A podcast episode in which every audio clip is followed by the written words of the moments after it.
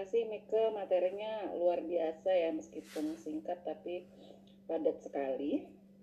Eh, yang ingin saya tanyakan tadi di awal kan Mika sempat bilang bahwa konsep utama produktivitas itu ada dua ya, efektif dan efisien. Nah, eh, sering kali kan ini sharing pengalaman aja ya. Seringkali kalau misalkan ngomongin pekerjaan gitu, khususnya yang ya di dalam organisasi gitu. Ini tuh kadang kayak ada gap ya atau kayak ada ya bisa dibilang gap gitu. Kalau misalkan kita mengejar efektif, kadang-kadang uh, sumber daya yang dikeluarkan menjadi tidak efisien ataupun sebaliknya gitu kita mengedepankan efisiensi tapi ujung-ujungnya nggak terlalu efektif nah itu gimana ya supaya kemudian ada tips nggak sih atau misalkan mana yang mesti kita utamakan dulu nih kalau misalkan kita ngomongin produktivitas apakah efisiensinya dulu atau efektivitasnya dulu yang mesti kita tingkatkan Uh, baik, terima kasih untuk pertanyaannya. Sebenarnya uh, konsep dari produktivitas tetap harus dua-duanya ya. Jadi tetap pada efektif dan efisien. Jadi ketika dua hal itu dapat berjalan uh, bersamaan gitu, artinya proses itu dalam sebuah organisasi artinya berhasil. Gitu. Kenapa? Kemudian ada suatu kondisi di mana kok kayaknya kalau ini dilakukan menjadi efektif tapi nggak jadi efisien atau sebaliknya. Nah, hal itu seperti yang saya jelaskan tadi, organisasi sebagai sebuah open system di mana mereka saling uh, keterkaitan, maka perlu dicek ya antara bagaimana input yang masuk input yang masuk, kemudian bagaimana proses di dalamnya. Jadi sebenarnya dalam sebuah organisasi itu kan ada pengukuran beban kerja, efektivitas dan sebagainya. Itu sebenarnya kan ada e, pembuatan sendiri, ada pengukuran sendiri. Kemudian ada penilaian kinerja, kemudian perhitungan kalau misalnya untuk produktivitas itu untung rugi dan sebagainya. Jadi harusnya itu kita kembali lagi feedback lagi gitu ya dari input dan prosesnya. Apakah ada sesuatu yang memang e, belum tepat di situ sehingga luaran yang terjadi ada yang tidak efektif tidak efisien atau efektif efisien atau e, bahkan bisa jadi dua-duanya tidak berjalan gitu? Mohon izin bertanya Mbak Mika Perkenalkan saya Mega alumni psikologi angkatan tahun 2007 Uh, ini pertanyaan saya terkait organisasi di Indonesia yang sedang dalam menghadapi pandemi COVID-19 ini Mbak Mika. Ini kan kalau yang Mbak Mika terangkan terkait upaya menjadi karyawan unggul dan produktif ini luar, luar biasa sekali. Ada peningkatan kualitas hidup, tangguh dalam ketidakpastian dan lain sebagainya. Nah, tapi bagaimana dengan perusahaan-perusahaan atau organisasi yang terkena dampak dari pandemi COVID-19 ini. Mungkin eh, seperti perusahaan travel dan lain sebagainya itu kan sangat finansial mereka sangat terganggu ya karena tidak ada pemasukan dan lain sebagainya. Kalau di rumah sakit, kemudian pelayanan-pelayanan eh, bisnis online atau retail-retail mungkin aman. Nah, jadi kalau untuk perusahaan-perusahaan yang tidak aman ini bagaimana cara uh, memperlakukan pegawai supaya tidak dipecat. Nah, dengan teori-teori yang sudah disampaikan Mbak Mika itu gimana caranya ya Mbak? Terima kasih. Uh, baik uh, untuk Mbak Piana gimana? Apakah ada tanggapan dari jawaban yang diberikan oleh pemateri kita? Uh, sebelum kita ke ke pertanyaan selanjutnya dari Mas Mega, kita selesaikan dulu ya pertanyaan dari Mbak Mirna. Ketika tidak ada tanggapan, maka kita akan lanjut ke pertanyaan dari Mas Mega.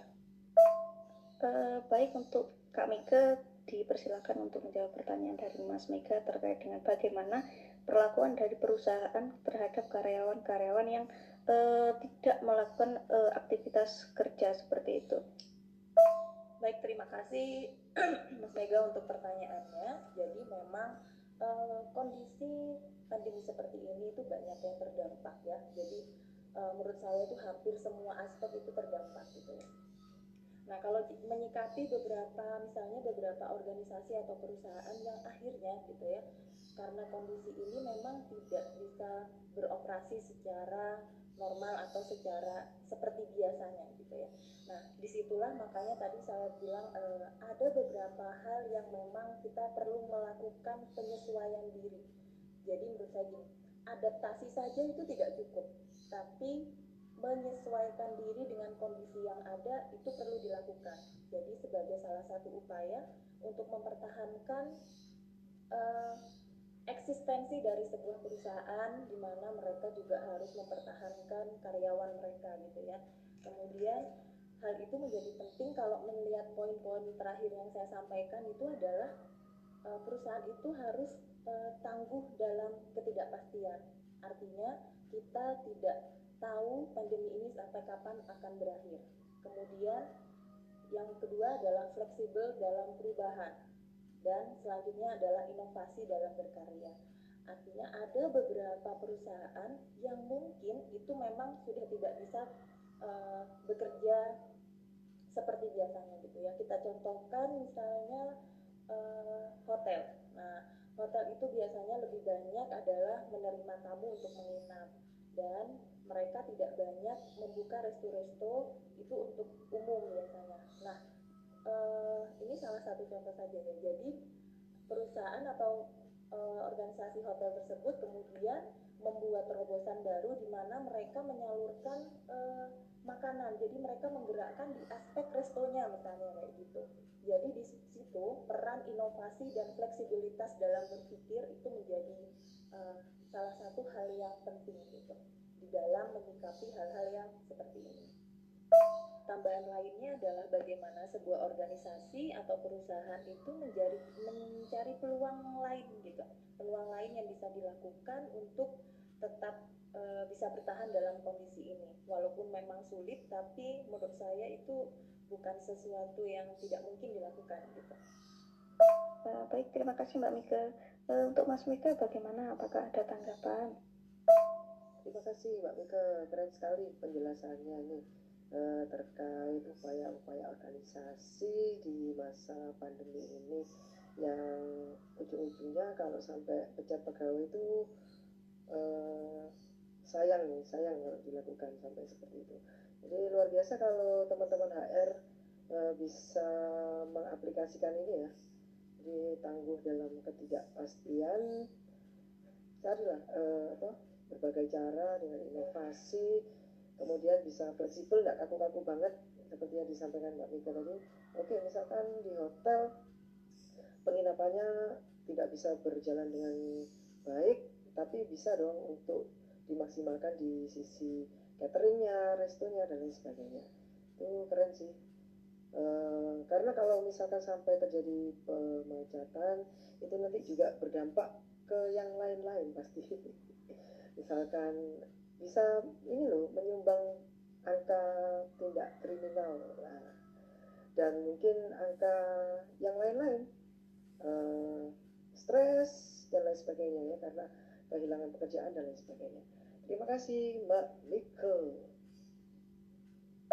oh ya matur nuwun Mbak Laili Mbak moderator yang keren.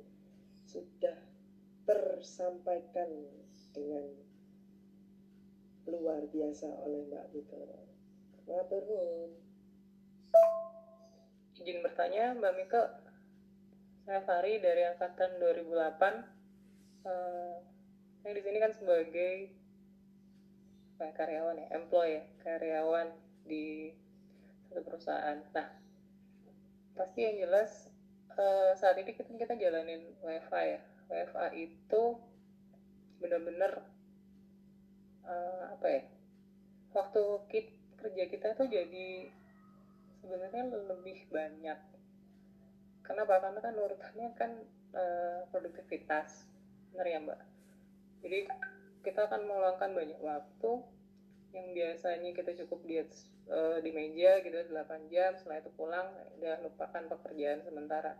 Nah ketika WFA itu jadinya waktu itu tidak akan berhenti seakan-akan karena terlihat banget nih ketika WFA itu banyak banget meeting-meeting online dadakan gitu ya.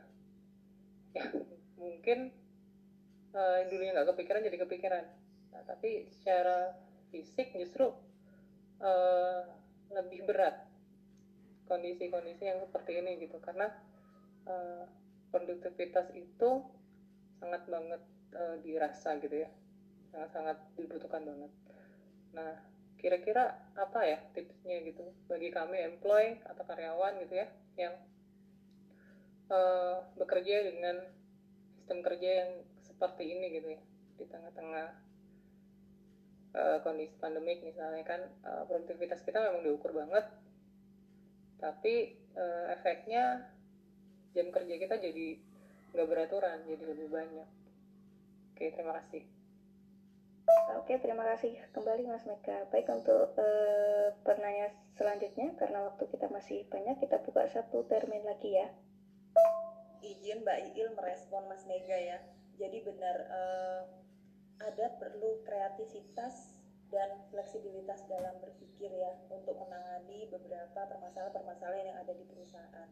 Kemarin saya sempat ngobrol juga dengan uh, teman yang dia kebetulan juga uh, vice president dari salah satu perusahaan jadi e, begitu beratnya ketika dia harus mem-PHK e, karyawan gitu ya. Sehingga strategi yang dilakukan adalah e, dia tidak mem-PHK tapi dengan cara bergantian bekerja. Jadi walaupun mereka tidak e, mendapatkan gaji full ya, sebulan misalnya 3 juta gitu ya, dia tidak mendapatkan full seperti itu, tapi mereka tetap dapat penghasilan. Hal itu dilakukan menjadi alternatif solusi yang uh, lebih baik gitu ya, karena mempertimbangkan kondisi-kondisi selanjutnya gitu. Karena tidak menutup kemungkinan karyawan-karyawan tersebut adalah karyawan-karyawan yang loyal, terus kemudian uh, cukup involved dalam pekerjaan. Jadi ketika mau di PHK juga uh, sesuatu yang sangat sayang gitu. Jadi memang ada beberapa alternatif walaupun e, karena dia di bagian produksi sehingga dia memang mengurangi produksinya namun tetap berjalan walaupun sedikit demi sedikit ente perusahaannya tetap berjalan dia sebisa mungkin tidak mau PHK e, karyawannya gitu. Oke terima kasih Mbak Mika tambahannya. E, baik untuk selanjutnya e, ini ada pertanyaan dari Mas Wahri monggo ditanggapi Mbak Mika Ya, terima kasih Fahri untuk pertanyaannya.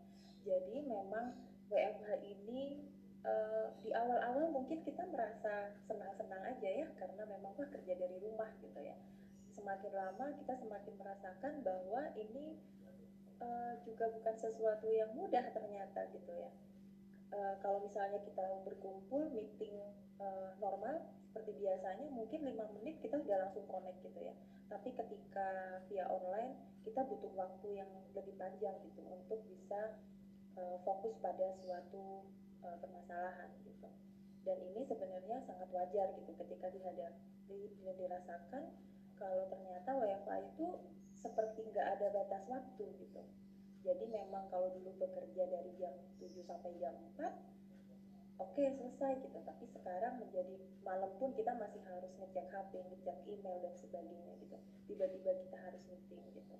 Nah beberapa tips sebenarnya yang bisa dilakukan adalah ini memang fase penyesuaian diri ya. Jadi kita harus belajar untuk memanajemen uh, baik waktu energi gitu ya yang kita punya yang pertama adalah kalau tips saya adalah pertama itu adalah ciptakan work space gitu ya. Jadi kita bekerja uh, di mana dan bagaimana cara mengerjakannya. Kemudian uh, home office kemudian kita harus menetapkan target kerja atau durasi kerja. Jadi bagaimana bagaimanapun walaupun kita ada di rumah tapi kita harus punya durasi bekerja gitu jadi e, target kerja yang ditentukan apa kemudian durasinya seperti e, berapa lama itu tuh juga perlu dipertimbangkan dan kita per perlu melakukan penyesuaian terhadap kondisi itu. Kemudian eh, koordinasi dan komunikasi itu memang tetap perlu dijaga ya. Jadi itu juga tetap harus dilakukan sehingga uh, kita akan memulainya kapan, kita akan melakukan koordinasi jam berapa dan itu tuh biasanya harus ditentukan gitu agar tidak terjadi uh, kita mengambil waktu istirahat kita misalnya gitu atau kita tidak bisa melakukan peran-peran kita yang lain di rumah gitu. Kemudian ini memang yang sangat uh, perlu jadi catatan adalah penggunaan teknologi ya. Penggunaan teknologi itu satu sisi memang mempermudah kita ya. Dengan kondisi saat ini penggunaan teknologi itu memang sangat uh, membantu kita gitu. Namun memang sisi lainnya adalah kita terlalu banyak uh, terpapar menggunakan uh, alat-alat elektronik dan sebagainya sehingga memang waktu istirahat kita menjadi kurang. Mungkin itu aja ya tipsnya adalah kita menentukan target kerja atau durasi kerja, kemudian melakukan penyesuaian diri, melakukan uh, punya tempat khusus sendiri untuk belajar gitu ya, workspace untuk uh, untuk uh, bekerja maksudnya. Terima kasih Mbak Mika. Uh, untuk Mas Fahri, mungkin ada tanggapan dari jawaban yang telah Mbak Mika berikan? Uh, jadi yang aku dapat tarik kesimpulannya, ya usahakan kita punya waktu kerja gitu ya. Atau mungkin kita buat suasana sarana kan itu kerja gitu ya. Jadi uh, tempat yang berbeda, terus uh, ketika kita pindah ke tempat lain, berarti itu saya sedang tidak bekerja gitu ya. Iya, bisa juga kayak gitu. Jadi kita memang menyediakan waktu, kalau misalnya memang pada umumnya kita bekerja jam 7 sampai jam 4, maka e, bersedialah atau menyediakan waktu pada jam itu gitu ya untuk bekerja seperti biasanya, mungkin mengerjakan laporan-laporan dan sebagainya gitu. Jadi e, memang walaupun di rumah gitu ya, bekerja di rumah memang kita tetap menyiapkan waktu-waktu bekerja untuk menyelesaikan tugas-tugas kita. Jadi dan untuk tempat sendiri uh, biasanya kalau saya adalah menyediakan satu sudut atau ruang tertentu kita untuk uh, bekerja atau menyelesaikan pekerjaan. Jadi kita bisa fokus mengerjakan pekerjaan itu secara efektif efisien gitu. Oke baik terima kasih Mbak Mika. Uh, ini karena waktu sudah menunjukkan 11 titik 26 sebentar lagi menuju 11 titik 30 uh, untuk Mbak Mika monggo silakan memberikan closing statement pada diskusi kita kali ini. Baik Mbak Iril terima kasih. Jadi uh, mari rekan-rekan kita tetap menjadi uh, individu yang unggul dan produktif tidak peduli walaupun kita sedang menjadi bagian dalam organisasi atau tidak jadi mari kita tingkatkan kualitas hidup Eh, lebih memaknai hidup, mencari makna-makna yang lain dan lebih sering bersyukur gitu ya. Kemudian kita tahu kita mungkin dalam kondisi yang tidak baik saat ini, tapi percayalah bahwa ini akan segera berakhir uh, dan pasti akan berakhir. Kita tinggal uh, mengoptimalkan apa yang kita punya sekarang. Kita harus tangguh dalam ketidakpastian, terus berinovasi dalam berkarya, fleksibel terhadap segala perubahan dan terus belajar. Hal-hal baru tentunya situasi ini kita bisa terus belajar. Ada banyak hal yang bisa kita pelajari. Kemudian yang paling penting adalah kita perlu melakukan uh, kolaborasi ya. Kemudian kita bisa kontributif terhadap uh, suatu hal dan kita juga bisa menjadi uh, inspirasi bagi diri kita atau orang-orang sekitar kita. Oke baik, terima kasih Mbak Mika. Uh, jadi intinya mari kita terus berjuang menghadapi pandemi ini dengan tangguh dan terus berkolaborasi. Untuk teman-teman semua saya ucapkan terima kasih telah bergabung dengan kami di ZIP Menyapa 2. Mari menginspirasi bersama kami di zona inspirasi psikologi selanjutnya. Terima kasih. Wassalamualaikum warahmatullahi wabarakatuh.